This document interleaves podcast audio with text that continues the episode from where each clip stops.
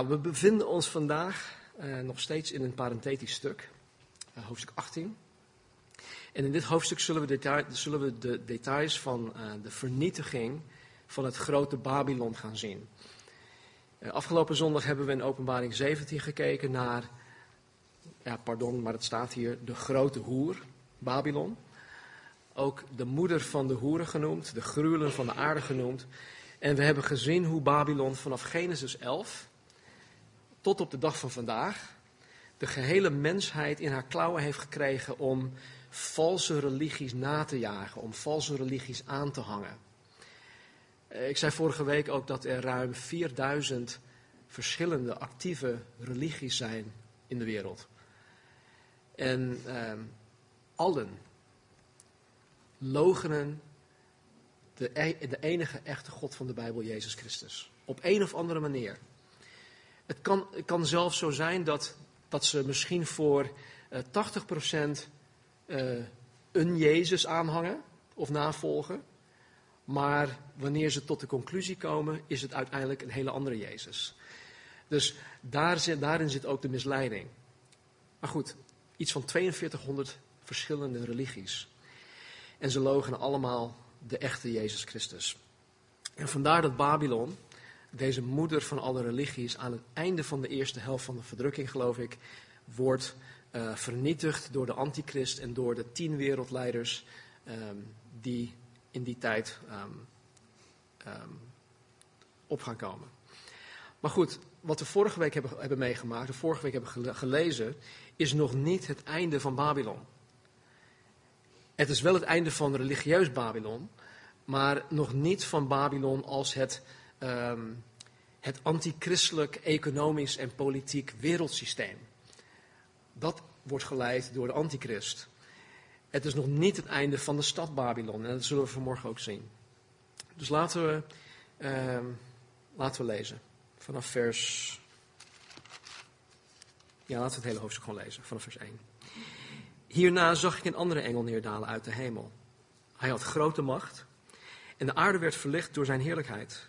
Hij riep uit met krachtige stem: Zij is gevallen, zij is gevallen, het grote Babylon, en een woonplaats van demonen geworden, een schuilplaats voor allerlei onreine geesten en een schuilplaats voor allerlei onreine en weerzinwekkende vogels.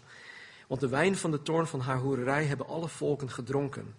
En koningen van de aarde hebben hoererij met haar bedreven. En de kooplieden van de aarde zijn rijk geworden door de kracht van haar losbandig leven. En ik hoorde een andere stem uit de hemel zeggen: Ga uit haar weg, mijn volk, opdat u geen deel hebt aan haar zonden. En opdat u niet van haar plagen zult ontvangen. Want haar zonden hebben zich opgestapeld tot aan de hemel. En God herinnerde zich haar ongerechtigheden. Vergeld haar zoals zij ook u vergolden heeft. En vergeld haar dubbel naar haar werken. Schenk in de drinkbeker waarin zij voor anderen ingeschonken heeft, voor haar het dubbele in. Overeenkomstig de maat waarin zij zichzelf heeft verheerlijkt en losbandig heeft geleefd, geef haar naar die maat pijniging en rouw. Want in haar hart zegt zij: Ik zit als een koningin en ben geen weduwe en ik zal zeker geen rouw zien. Daarom zullen op één dag haar plagen komen dood, rouw en honger, en met vuur zal zij verbrand worden, want sterk is de Heere God die haar oordeelt. En de koningen van de aarde die hoererij met haar bedreven hebben en losbandig geleefd hebben, zullen huilen en rouw over haar bedrijven, wanneer zij de rook van haar verbranding zullen zien.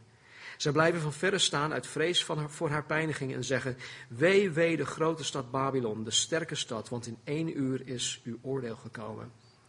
En de kooplieden van de aarde zullen over haar huilen en treuren, omdat niemand hun waren meer koopt. Koopwaar van goud, zilver, edelgesteente, parels, fijn linnen, purper, zijde, scharlaken, allerlei geurig hout, allerlei ivoren voorwerpen en allerlei voorwerpen van zeer kostbaar hout, koper, ijzer en marmer. Kaneel, reukwerk, mirre, wierook, wijn, olie, meelbloem en tarwe, lastdieren en schapen, paarden en wagens.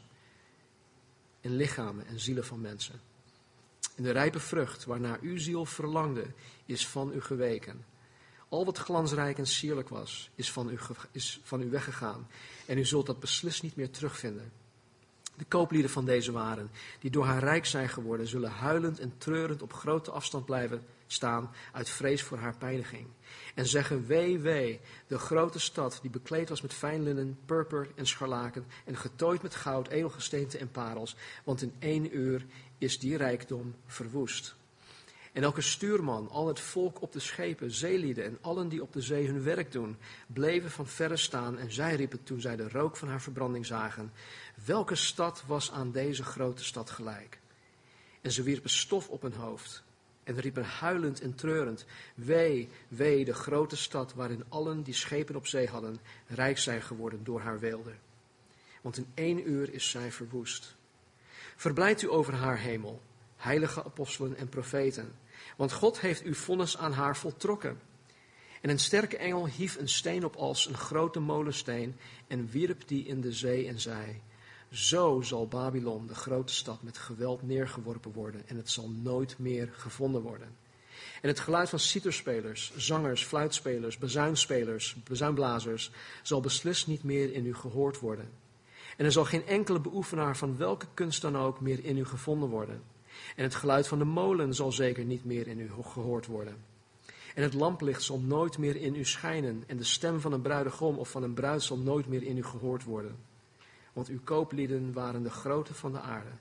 Door uw tovenarij immers werden alle naties misleid. En het bloed van de profeten en heiligen en van allen die geslacht zijn op de aarde is in deze stad gevonden. Wauw. Vers 1. Hierna zag ik een andere engel. En hierna zag ik, sorry, een andere engel neerdalen uit de hemel. Hij had grote macht en de aarde werd verlicht door zijn heerlijkheid. Dit is misschien een klein iets, maar het woord hierna geeft in de grondtekst aan dat het nu om een andere gebeurtenis gaat. In hoofdstuk 17 ging het om de vernietiging van religieus Babylon. Dat hoogstwaarschijnlijk rond het middenpunt van eh, de verdrukking plaatsvond. En nu worden wij door Johannes meegenomen naar het einde van de grote verdrukking. Dus aan het einde van die zevenjarige periode. Waarin Babylon geheel en voor eeuwig door God veroordeeld en vernietigd wordt. Nu Babylon na het vijfde schaaloordeel geheel verduisterd is, dat zagen we in hoofdstuk, in hoofdstuk 16, ziet Johannes deze machtige engel op aarde neerdalen, waardoor de duisternis van de aarde verlicht werd. Eh, door de straling en door de, de, de glans van deze, uh, deze, deze engel. De glans van zijn heerlijkheid. En er staat in vers 2: En hij, de engel, riep uit met krachtige stem: Zij is gevallen, zij is gevallen, het grote Babylon. En een woonplaats van demonen geworden. Een schouwplaats voor alle onreine geesten. En een schouwplaats voor allerlei onreine en weerzinwekkende vogels. Deze engel geeft niet alleen een hoop licht af maar ook heel veel geluid. En met zijn krachtige stem krijgt iedereen te horen dat Babylon eindelijk gevallen is. En het wordt herhaald om het te benadrukken. Zij is gevallen, zij is gevallen. Nou, omdat de bewoners van Babylon volgens vers 8 gedood werden, kan het zijn, ik kan het niet hard maken, maar kan het zijn dat de demonen, de, de onreine geesten die de mensen bezet hadden in die tijd, nu geen levende lichamen meer hebben om te bezetten. Al die mensen zijn dood. Dus het kan zijn dat dat de reden is waarom zij nu in Babylon verblijven. Het Grieks woord voor schouwplaats betekent plaats van bewaring. Het kan ook betekenen dat het een gevangenis is. Plaats van bewaring of gevangenis. Het kan dus zijn, en dat weet ik nogmaals ook niet 100% zeker, dat hiermee bedoeld wordt dat, de, dat deze demonen, deze onreine geesten in Babylon voor een tijd in bewaring genomen gaan worden. Hoe dan ook, het doet er eigenlijk niet toe, maar hoe dan ook, de, de satanische machten die achter Babylon schuilden, deze verblijven nu in deze woeste plaats. De onreine en weerzinwekkende vogels die hier genoemd worden, dat kunnen letterlijke gieren zijn. Gieren zijn, zijn uh, onreine vogels. Uh, maar Johannes kan hier ook mee bedoelen dat uh, dit demonen zijn. Want ook deze worden in bewaring genomen. Het is hetzelfde woord, schouwplaats voor deze vogels. Vaak staan vogels in de Bijbel ook symbool voor demonen, oftewel voor de onreine geesten. Dus het kan zijn dat het vogels zijn, het kan ook zijn dat het demonen zijn. Weet ik niet. Nou, de reden voor de val van Babylon is als volgt, vers 3. Want de wijn van de toorn van haar hoererij hebben alle volken gedronken, en de koningen van de aarde hebben hoererij met haar bedreven. En de kooplieden van de, van de aarde zijn rijk geworden door de kracht van haar losbandig leven. Het, het antichristelijk wereldsysteem, dat niet alleen tijdens de verdrukking um, zal bestaan, maar dat, uh, dat, dat de mensen door de millennia heen uh, van de enige echte God van de Bijbel heeft afgehouden, dat, dat, um, dat wordt op dit moment dus gestraft. Dat is ook de reden waarom God deze Babylon straft. Want het is dus niet iets dat zij alleen in de eindtijd heeft gedaan. Nee, vanaf het begin, vanaf Genesis hoofdstuk 11, heeft Babylon de mensheid van de ware God afgehouden. Niet alleen door religie, maar zoals we zo meteen ook zullen gaan zien, door, door mammon, door materialisme, door, door de economische dingen. En, en het gaat hier om, om gewone mensen. Gewone mensen, je buren, je familieleden. Het gaat om regeringsleiders het gaat, en, en, en alles daartussenin. Het gaat om de BN'ers. Het gaat om het bedrijfsleven, om, eh, om de banken, de effectenbeurs. Eh, zij behoren allemaal tot dit wereldsysteem. De entertainmentbranche, waarbij grootschalig en ook bedrijfsmatig vermaak en ontspanning worden aangeboden. Door middel van muziek, door middel van film of spellen die op verschillende beeld- en geluiddragers bij jong en oud allemaal binnen handbereik zijn. Dit behoort allemaal tot dat wereldsysteem. Ga voor de gein een keertje naar de mediamarkt toe. En kijk wat daar allemaal te koop is om dit allemaal je huis binnen te laten.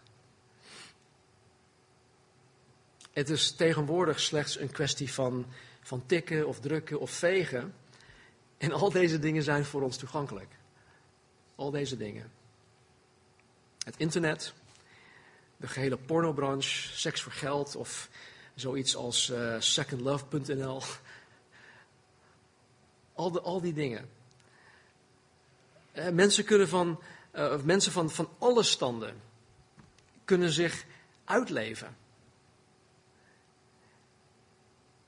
Niet, van, niet voor niets dat, dat mensen van weekend tot weekend leven. Het is vooral onder, onder jongeren is dat heel belangrijk. Weekend. We gaan weekend vieren. En men leeft vaak gewoon van weekend tot weekend of van vakantie tot vakantie. Daar draait het bij hen om. Weet je, er wordt hopen van geld hieraan verdiend. En omdat de wereld dat wil zeggen de ongelovige mensen met Babylon hoererij hebben gepleegd, omdat ze daarin mee zijn gegaan, omdat zij losbandig met haar geleefd hebben, wordt Babylon nu gestraft. Vers 4 en 5.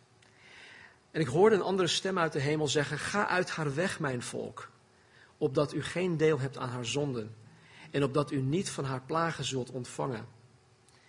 Want haar zonden hebben zich opgestapeld tot aan de hemel en God herinnerde zich aan haar ongerechtigheden. Nou, hier kom ik straks op terug, dus dat, uh, dat hou ik jullie te goed. Vers 6. Vergeld haar zoals zij ook u vergolden heeft en vergeld haar dubbel naar haar werken. Schenk in de drinkbeker waarin zij voor anderen ingeschonken heeft, voor haar het dubbele in.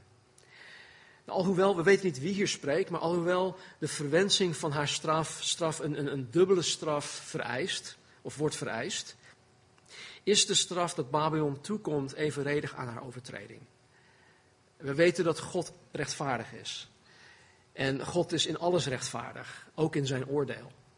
Dus ook hier. Vers 7. Overeenkomstig de maat waarin zij zichzelf heeft verheerlijkt en losbandig heeft geleefd, geef haar naar die maat pijniging en rouw. Want in haar hart zegt zij: Ik zit als een koningin en ben geen weduwe en ik zal zeker geen rouw zien. Nogmaals, haar straf, of nogmaals, haar, ehm, haar straf zal overeenkomstig zijn met de maat waarin zij zichzelf heeft verheerlijkt. En uh, naarmate zij los, losbandig heeft geleefd. Babylon, die het echt het, het toppunt, het ultieme van verwaandheid is, zegt dat zij zit als een koningin. En met andere woorden, zij heeft alles voor het zeggen, haar wil is wet. Maar niet alleen dat, zij geniet van alle luxe dat de wereld te bieden heeft. Zij geniet van alle luxe. Niets is buiten haar bereik. Ze hadden jaren geleden, in de, in de jaren tachtig volgens mij, hadden ze een, uh, in de States een tv-programma. Dat heette Lifestyles of the Rich and Famous. Ik weet niet of dat ooit in Nederland is gekomen. Maar er was een zekere Engelsman, die heette Robin Leach. En die ging dus uh, naar deze rijke mensen toe. En uh, een van die rijkste mensen destijds, dat was een zekere miljardair, die heette Adnan Khashoggi. En uh, die had gewoon jachten van 100 meter en auto's, bolides. Nou, het, was, het was gewoon te gek voor woorden. Maar dit behoort allemaal tot Babylon. Het hele luxe leven. Niets is buiten haar bereik. En ook zegt zij dat zij dus geen weduwe is en geen rouw zal zien. Zij is dus van mening dat zij niet zielig is en dat haar niets zal overkomen wat haar geluk zal wegnemen. Heel erg zelfverzekerd. Maar al haar trots en hoogmoed zal in een zeer rap tempo teniet gedaan worden. Het zal zo van haar weggenomen worden. Daarom, vers 8, zullen op één dag haar plagen komen. Dood, rouw, honger. En met vuur zal zij verbrand worden. Want sterk is de Heere God die haar oordeelt. Nou, er staat hier dat uh, op één dag haar plagen zal komen. de dood, de rouw, honger en vuur. Op één dag. Dat geeft gewoon aan, het zal niet waarschijnlijk in een letterlijke periode van 24 uur gebeuren, maar dat betekent dat het heel snel gaat komen. Dat het heel snel over zal zijn. En dat zij dus volledig verbrand zal worden. Dat zou kunnen betekenen dat het, dat het vuur een, een, een bovennatuurlijke oorsprong heeft. Dat God gewoon, boom, vuur uit de hemel laat neerkomen. Zoals bij Sodom en Gomorra. Het kan ook zijn dat het vuur door iets bovennatuurlijks getriggerd wordt. Hoe dan ook, het komt bij God vandaan, want er staat aan het einde van dit vers, want sterk is de Heere God die haar oordeelt. God oordeelt. Komt bij hem vandaan, vers 9 en 10. En de koningen van de aarde die hoererij met haar bedreven hebben en losbandig geleefd hebben, zullen huilen en rouw over haar bedrijven, wanneer zij de rook van haar verbranding zullen zien. Ze blijven van verre staan uit vrees voor haar pijniging en zeggen, wee, wee, de grote stad Babylon, de sterke stad, want in één uur is uw oordeel gekomen. Nou, deze koningen zijn niet de, de tien koningen die religieus Babylon in hoofdstuk 17 vernietigd hebben. Deze koningen zijn eigenlijk alle andere regeringsleiders over de hele wereld die hoererij met haar bedreven hebben. Nu even dit. Sommige Bijbelcommentatoren, uh, Bijbelleraren, sommige die ik heel hoog in het vaandel heb staan, geloven niet dat Babylon een echte fysieke stad zal zijn. Ze geloven dat het symbool staat voor iets. Als je bijvoorbeeld nu googelt Babylon en als je naar images kijkt, dan zie je bijvoorbeeld uh, dat, uh, dat, dat Amerika beschouwd wordt als Babylon. En dat Amerika op een gegeven moment vernietigd gaat worden. Uh, of, of, andere dingen. Er zijn, er zijn best wel ook al hele rare opvattingen over Babylon. Maar er zijn dus een aantal um, hele um, goede Bijbelcommentatoren die dus niet geloven dat Babylon een fysieke stad zal zijn. Maar uit deze verzen en ook uit een aantal oud-testamentische profetieën geloof ik dat het wel om een letterlijke stad gaat. Er zijn namelijk een, een aantal profetieën over de stad Babylon uit um, bijvoorbeeld Jesaja en Jeremia. Dat zijn maar twee voorbeelden. Die tot heden nog niet vervuld zijn. Ze zijn gedeeltelijk vervuld, maar niet volledig. In Jesaja 13 bijvoorbeeld, voor degenen die notities maken.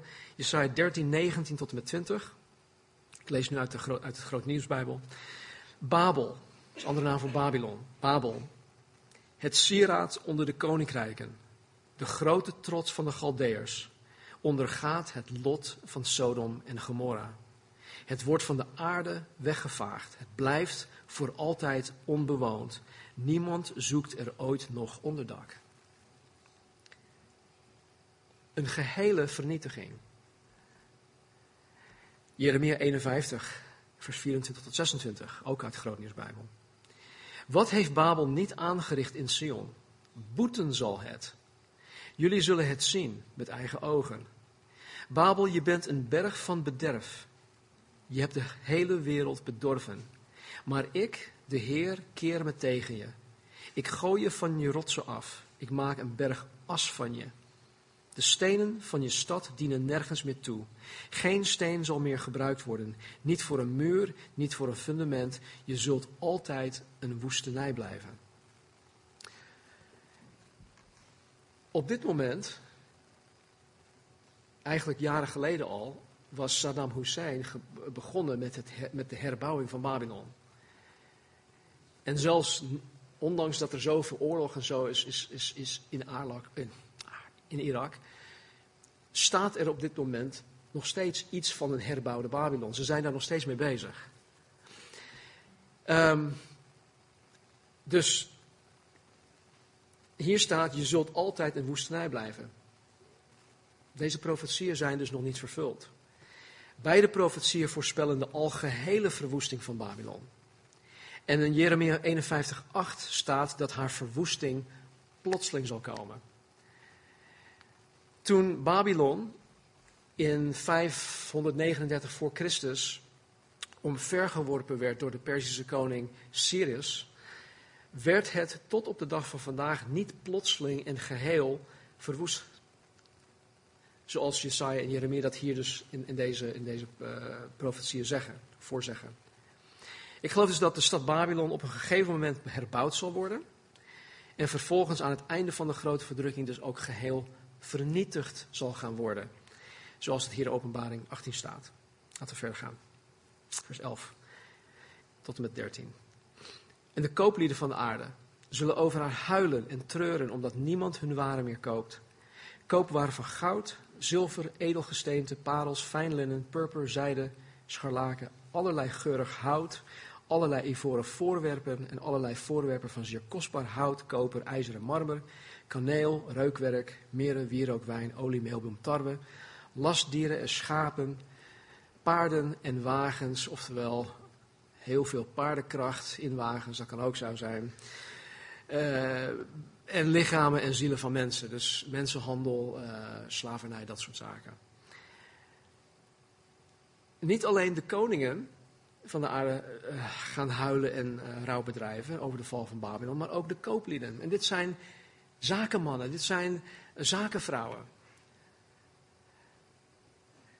Toen ik nog in uh, de zakenwereld werkte, toen moest ik wel eens naar het buitenland toe. En dan zie je in die commuter, commuter planes, dan zie je zoveel bedrijvigheid.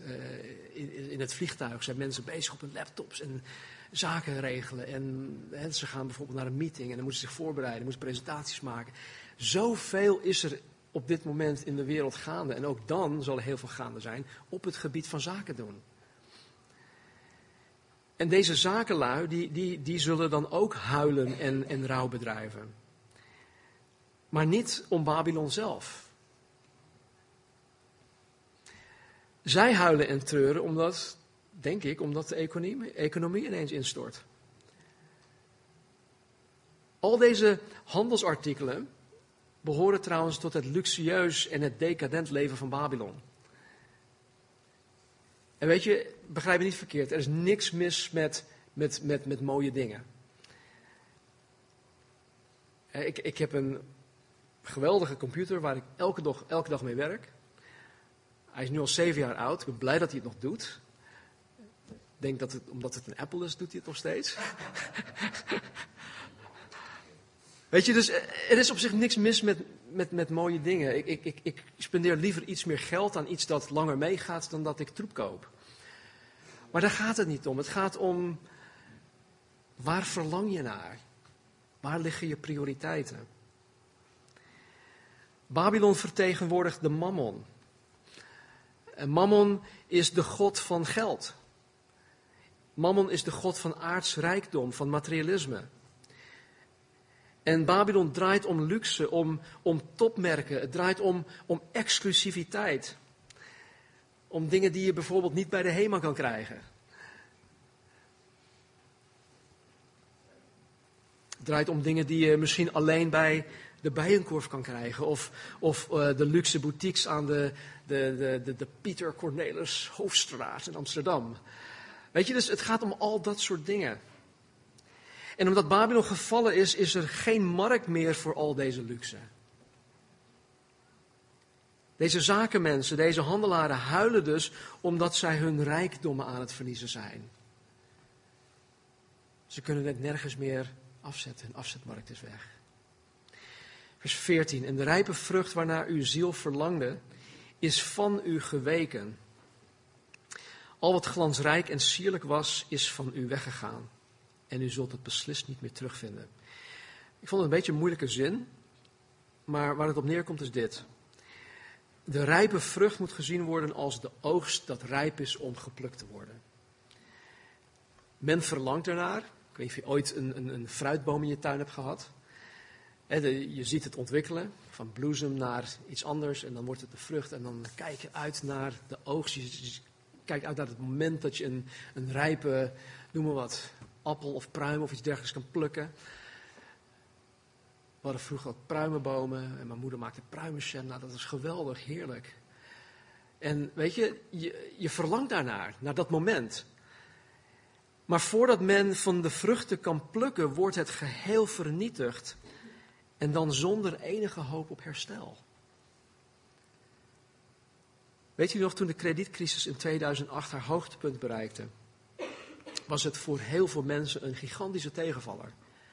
Ik heb mensen die heel veel geld daaraan verloren hebben. Maar na verloop van tijd begint men toch te hopen op herstel. En nu zijn we negen jaar verder. De huizenmarkt trekt een beetje aan, de economie trekt een beetje aan. Dus er is hoop, mensen zijn, mensen zijn hoopvol. Maar met de val van Babylon is er totaal geen hoop op herstel. Het is echt einde oefening. Het is over. Het is echt over. Vers 15 en 16. De kooplieden van deze waren, die door haar rijk zijn geworden, zullen huilend en treurend op grote afstand blijven staan uit vrees voor haar pijniging. En ze zullen zeggen, wee, wee, de grote stad, die bekleed was met fijn linnen, purper en scharlaken en getooid met goud, edelgesteente en parels, want in één uur is die grote rijkdom verwoest. In vers 10 staat dat het oordeel in één uur is gekomen. Hier staat, in één uur is die grote rijkdom verwoest. Dit geeft gewoon aan dat het heel snel zal gaan gebeuren. Het zal niet, eh, het zal niet over een uh, verlengde periode duren dat het verwoest gaat worden. Het zal heel snel gebeuren, vers 17 tot met 19. En elke stuurman, al het volk op de schepen, zeelieden en allen die op de zee hun werk doen, bleven van verre staan. Ze riepen toen zij de rook van haar verbranding zagen, welke stad was aan deze grote stad gelijk. En ze wierpen stof op hun hoofd, dat is een teken van rouw, en riepen huilend en treurend, wee, wee de grote stad, waarin allen die schepen op zee hadden, rijk zijn geworden door haar weelde. Want in één uur is zij verwoest. Nou, we zien in vers 9 tot en met vers 19 dat uh, regeringsleiders, dat zakenmannen en zakenvrouwen, kapteins, uh, zeelui, matrozen, allemaal huilden en treurden over de val van Babylon. Het is voor hen, voor de wereld, één en al ellende.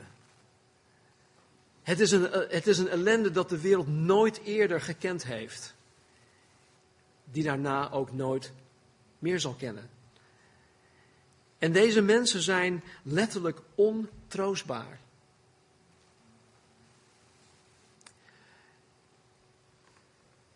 Ik weet niet of jullie het ooit hebben ervaren, maar um, een paar jaar geleden um, is, is een van mijn oudere zussen overleden. Uh, aan, uh, aan kanker en dat ging vrij snel. En weet je, Als je iemand verliest, eh, dan is dat, dat, dat doet gewoon pijn. Het is, je, ja, je wil getroost worden. De Heer troost je, je troost elkaar. En het is fijn om te weten dat, uh, dat, je, dat ik haar, in, in dit geval mij, dat, dat ik haar in de eeuwigheid wil, weer zal terugkomen. Want ze was een, aan, een, een navolger van Jezus Christus. Ze zal waarschijnlijk zo'n groot, uh, zo'n grote kroon hebben, in tegenstelling tot mijn mutsje die ik daar zal hebben.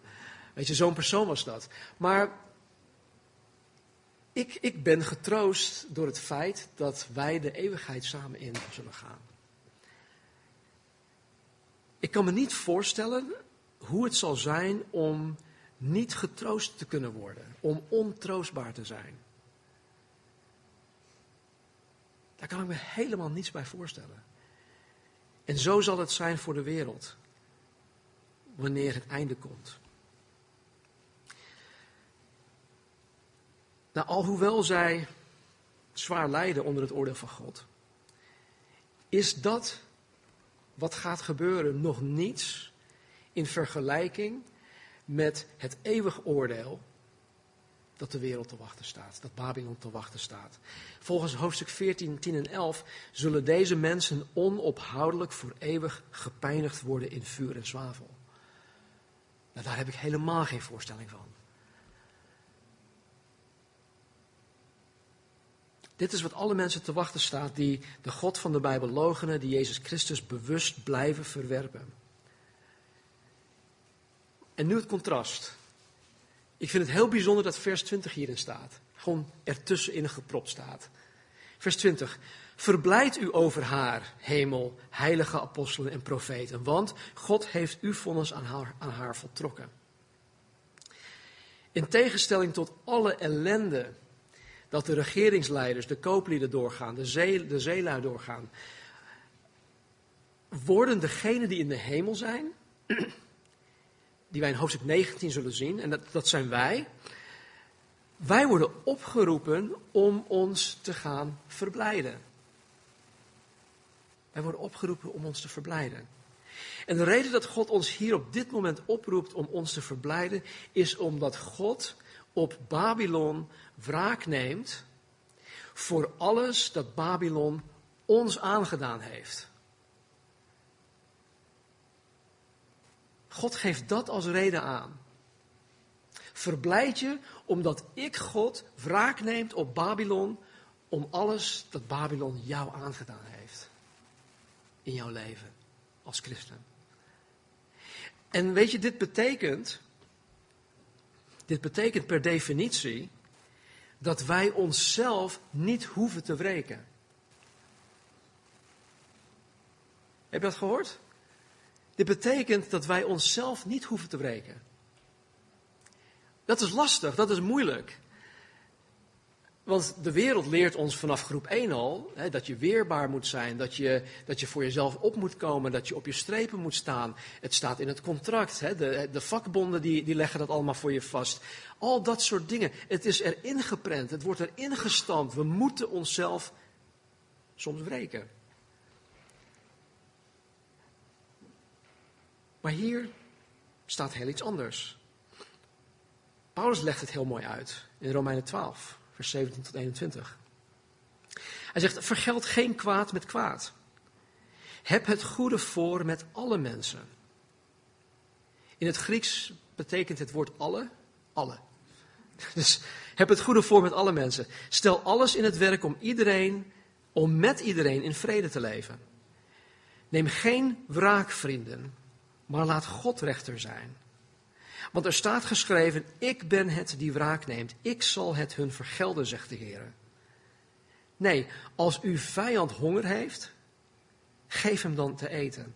Als hij dorst heeft, geef hem dan te drinken. Daarmee brengt u hem in verlegenheid en maakt u hem beschaamd. Laat niet het kwade u overwinnen, maar overwin het kwade door het goede. Dat gaat dwars tegen ons gevoel in dat gaat dwars tegen ons rechtvaardigheidsgevoel in. Ik weet het. Maar dit is de manier. Dit is hoe de christen zich onderscheidt van de rest van Babylon. Dit is wat aantrekkelijk is voor degene die God nog niet kent. En misschien kan het heel lang duren voordat iemand in je eigen kring dit in gaat zien in jouw leven. Maar vroeg of laat zullen mensen om jou heen gaan merken dat jij anders bent omdat jij zo handelt. Dat betekent ook het zout en het licht zijn in de wereld. Jezus zegt, jullie zijn het zout en het licht. Hij zegt, hij zegt niet, ik wil dat je dat gaat doen, ik wil dat je licht gaat doen, dat je nee, jullie zijn het. Handel daarnaar. In dit schriftgedeelte moedigt Paulus ons aan om wraak aan God over te laten, omdat God het zelf zal gaan vergelden. Al het onrecht dat een wedergeboren kind van God door de wereld aangedaan wordt, al het kwaad dat een kind van God aangedaan wordt, zal God zelf op zijn tijd gaan vergelden. God zal ons wreken. En weet je, dit is een waarheid en een zekerheid dat jou en mij rust hoort te geven. Dit hoort geruststellend te zijn. Het hoort ons het, het gevoel te geven van, oh heerlijk. Heerlijk. Ik hoef me daar niet druk om te maken. Ik kan het loslaten. Ik kan het vergeten. God is rechtvaardig. Hij zal mij wreken. Ik hoef er niks meer aan te doen.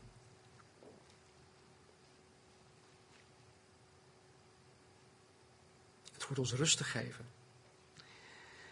Want we zagen in vers 10 en 20 dat God op Babylon, op de wereld, wraak neemt voor alle boze dingen die ons aangedaan zijn. En weet je, dit zou op zich al reden genoeg zijn om ons te verblijden. Maar er is natuurlijk veel meer, veel meer reden om ons te verblijden. Babylon is geheel vernietigd. Het einde van de wereld is gekomen. Niet, de einde, niet het einde van de aarde, want de aarde gaat nog zo'n duizend jaar mee hierna. Maar het einde van de wereld, het einde van het wereldsysteem, het einde van uh, de, de rijk van Satan, de, de rijk van het, antichrist, het antichristelijk systeem, dat is vernietigd. Niemand zal vanaf dat moment meer met Satan of met zijn demonen te maken krijgen. En het is, het is om deze reden dat wij ons mogen verblijden. Ik word soms zo moe van, van, de, van de duivel, van demonen, van het kwaad. Als ik me daarop focus, dan, dan word ik gewoon, dan ben ik gewoon elke dag ben ik depri. Dan ben ik chagrijnig. Maar God geeft ons hoop. En hij zegt, verblijd je. Verblijd je om deze redenen. Vers 21 tot en met 23. En een sterke engel hief een steen op als een grote molensteen, wierp die in de zee en zei, zo zal Babylon, de grote stad, met geweld neergeworpen worden. En het zal nooit meer gevonden worden. En het geluid van citerspelers, zangers, fluiters, fluitspelers, bazuinblazers zal beslist niet meer in u gehoord worden. Er zal geen enkele beoefenaar van welke kunst dan ook meer in u gevonden worden. Het geluid van de molen zal zeker niet meer in u gehoord worden. En het lamplicht zal nooit meer in u schijnen. De stem van de bruidegom of een bruid zal nooit meer in u gehoord worden. Blijdschap. Want uw kooplieden waren de groten van de aarde. Door uw tovenarij immers werden alle naties misleid. Johannes resumeert hier en zegt dat alles dat de wereld, um, dat de wereld maakte, ik noem dat zogenaamde muziek. In mijn beleving, de muziek die er tegenwoordig gedraaid wordt, is ja, even persoonlijk, hè? ik eh, neem me niet kwalijk, maar is, is, gewoon geen muziek meer. Het is een hoop kabaal. En uh, dat zal niet meer gehoord worden. Uh, zogenaamde kunst uh, zal ook niet meer gemaakt worden. De commercie, alles, alles is opgehouden te bestaan. Alles is opgehouden te bestaan. En dan staat er in vers 24. En het bloed van profeten en heiligen en van allen die geslacht zijn op de aarde is in deze stad gevonden. Met andere woorden, allen die door de millennia heen, omwille van Gods naam, omwille van Jezus' naam, zijn geslacht door Babylon Ze zijn gemarteld, gedood door Babylon, door het antichristelijk wereldsysteem. En daarom is zij tot haar einde gekomen. Laten we teruggaan naar, naar vers 4. En ik hoorde een andere stem uit de hemel zeggen: Ga uit haar weg, mijn volk, opdat u geen deel hebt aan haar zonden en opdat u niet van haar plagen zult ontvangen. God roept zijn wedergeboren kinderen om uit Babylon te gaan. Omdat God niet wil dat zijn kinderen deel hebben aan haar zonde. En dat is niet alleen toepasselijk op Babylon in de toekomst. Dat is toepasselijk vanaf Babylon, Genesis hoofdstuk 11, tot en met heden, tot de toekomst. Ga uit haar weg. God wil zijn kinderen beschermen tegen haar zonden. De Bijbel geeft toe, het staat in Hebreeën, over Mozes gesproken. Geeft toe dat er uh, tijdelijk genoten kan worden, even mijn eigen woorden, genoten kan worden van zonde. En dat is waar. Zonde is soms heel erg plezierig. Zonde voelt soms ook heel goed. Maar het is van korte duur. En God wil juist dat zijn kinderen beschermd worden tegen zonde, want hij weet waar dat toe leidt. Zonde leidt tot de dood. Niet alleen lichamelijke dood of eeuwige dood, wat de scheiding van God is, de hel, maar het leidt tot de dood van je huwelijk. Als ik zondig en vreemd ga, dan leidt dat tot de dood van mijn huwelijk. Marnie en ik hebben het al vaak over gehad. En, en zij, zij, is daar heel, ze heeft een hele stellige mening daarover. Als jij willens en wetens op die manier tegen mij, tegen God, tegen de kerk, tegen de familie zondigt, dan is het einde oefening voor jou. Daar ben ik helemaal terecht. Ik sta er helemaal achter. Ja, maar hoe zit het dan met genade en met vergeving? Dat, dat, is, een, dat is een ander verhaal. Maar wij, wij hebben die, die, die, die, die, die afspraak. Niet een afspraak, maar wij hebben die, die, um, uh, die understanding. Hoe zeg je dat, Casper? Wij begrijpen elkaar daarover. Weet je, dus als ik, als ik overspel pleeg, dan doodt dat mijn huwelijk. Als ik, als ik andere zonden bega, dan doodt dat mijn fellowship met God. Ik zal, ik zal uh, mijn redding niet kwijtraken of verliezen, maar op dat moment, als ik aan het zondigen ben, ben ik wel gescheiden van God in die zin dat ik eigenlijk, dat ik mezelf afscheid van God. Want ja, ik, ik voel me dan niet goed. Hoe, hoe kan ik God dan recht in zijn gezicht aankijken, als, hè, bij wijze van spreken, als ik aan het zondigen ben? Dus het doodt mijn fellowship op dat moment. Zonde leidt tot de dood. Het doodt heel veel dingen. En God wil ons daarvoor beschermen. Daarom roept God zijn kinderen uit, of kinderen om Babylon uit te gaan. Johannes legt het in 1 Johannes 2, vers 15 tot en met 17 heel goed uit.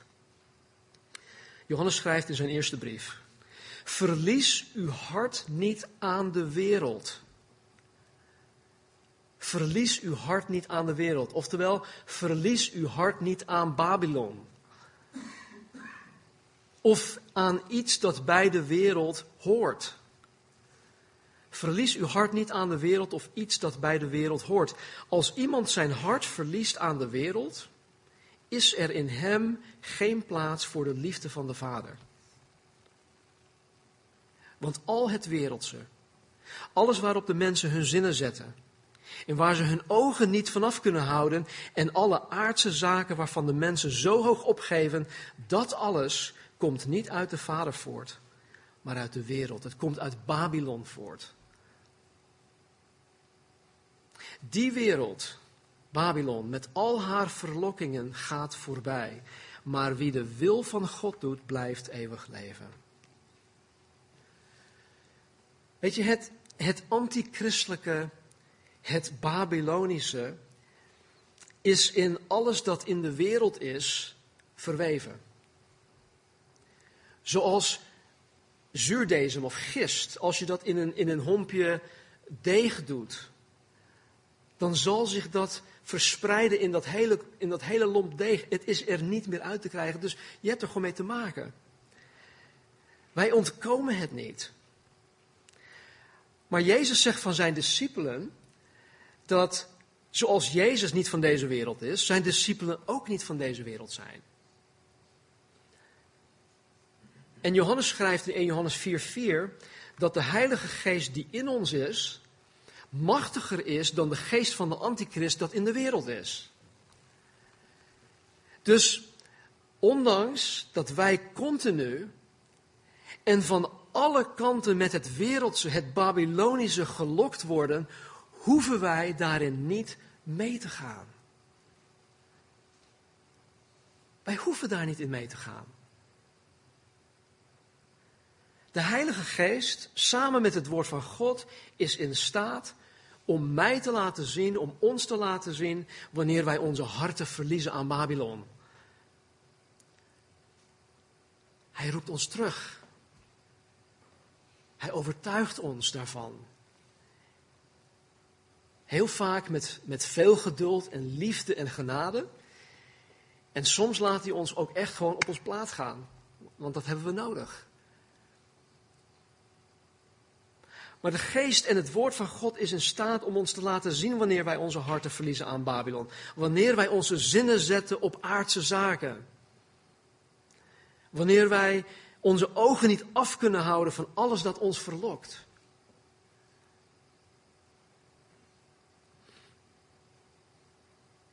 We hebben er dagelijks mee te maken, laten we eerlijk zijn. Kijk, de enige remedie tegen de verlokking van Babylon is het woord van God eigen maken.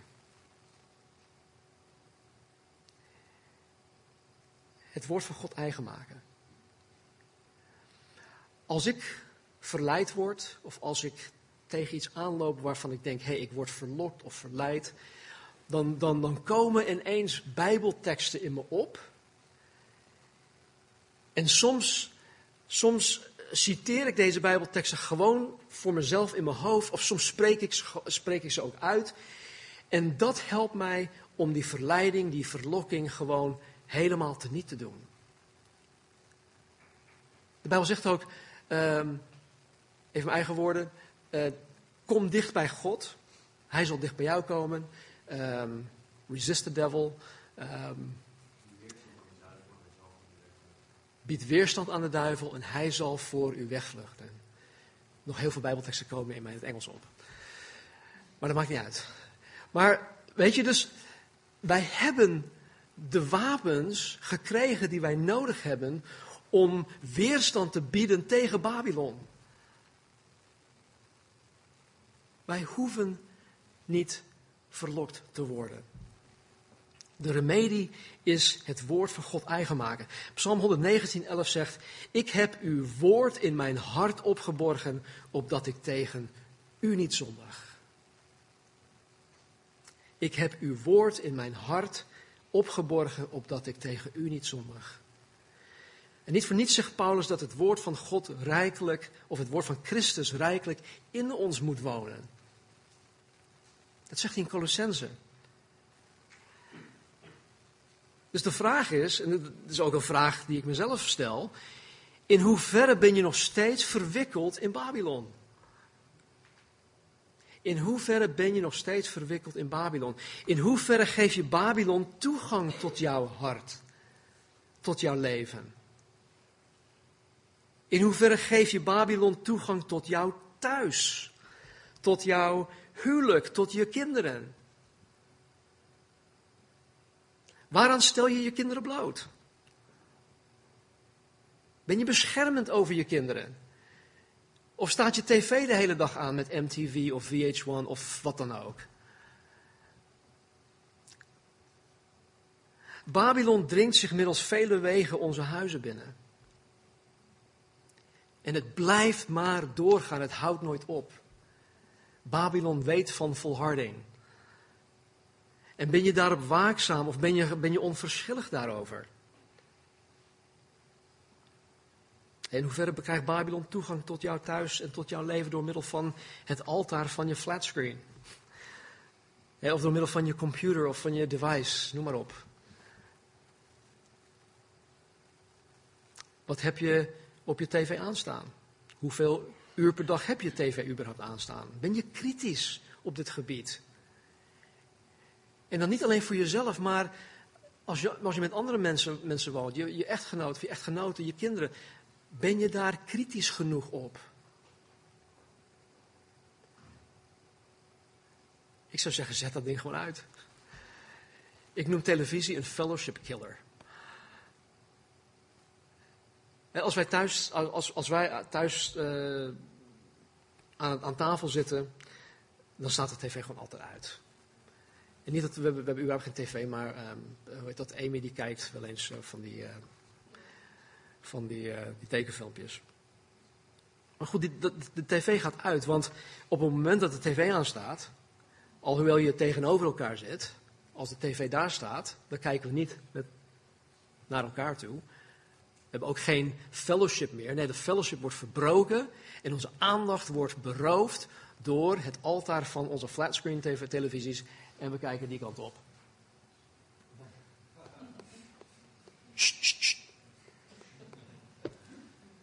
Kom op, laten we eerlijk zijn. Zet dat rotting uit. Ga uit haar weg, mijn volk, opdat u geen deel hebt aan haar zonde. Laten we bidden. Hemelse Vader, dank u wel dat u zo duidelijk bent in uw woord.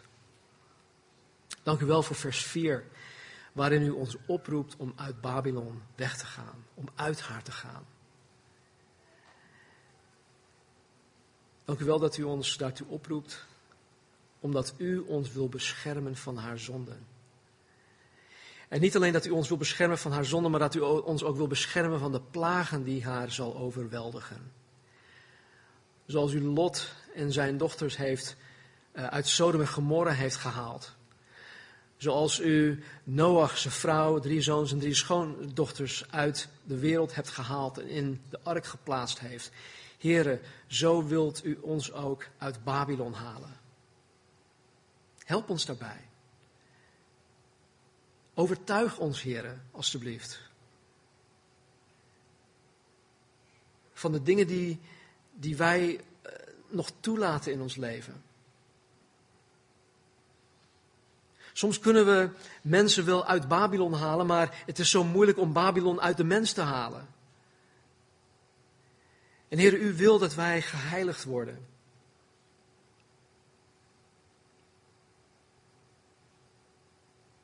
U wil dat wij geheiligd worden door uw woord. Uw woord is waarheid. Help ons daartoe. Help ons daarbij. Help ons ook om elkaar daarbij te helpen.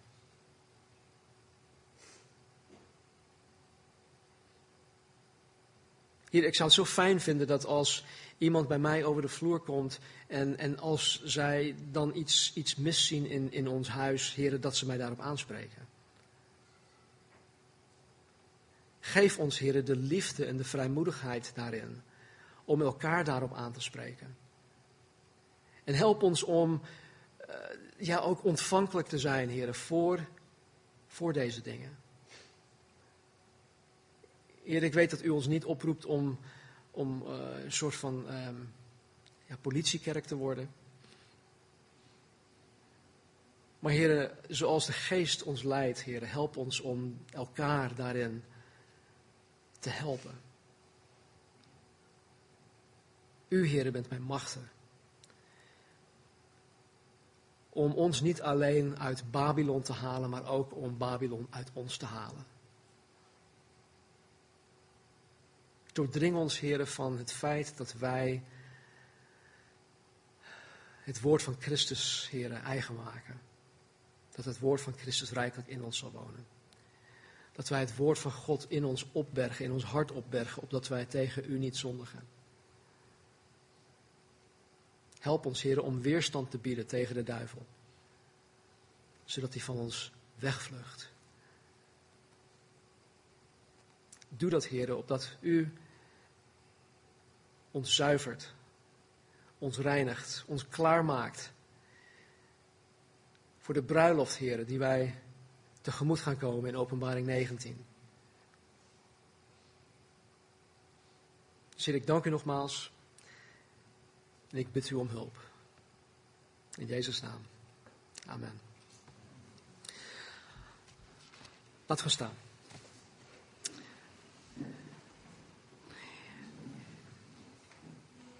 In het Bijbelboek Judas staat er een heel mooi stukje aan het eind. Dat is een stukje lofprijs. En hij sluit zijn brief hiermee af. Hij zegt: Aan hem nu die bij machten is u voor struikelen te bewaren. En u smetteloos te stellen voor zijn heerlijkheid in grote vreugde. De alleenwijze God, onze zaligmaker, zij heerlijkheid en majesteit, kracht en macht, nu en in alle eeuwigheid. Amen.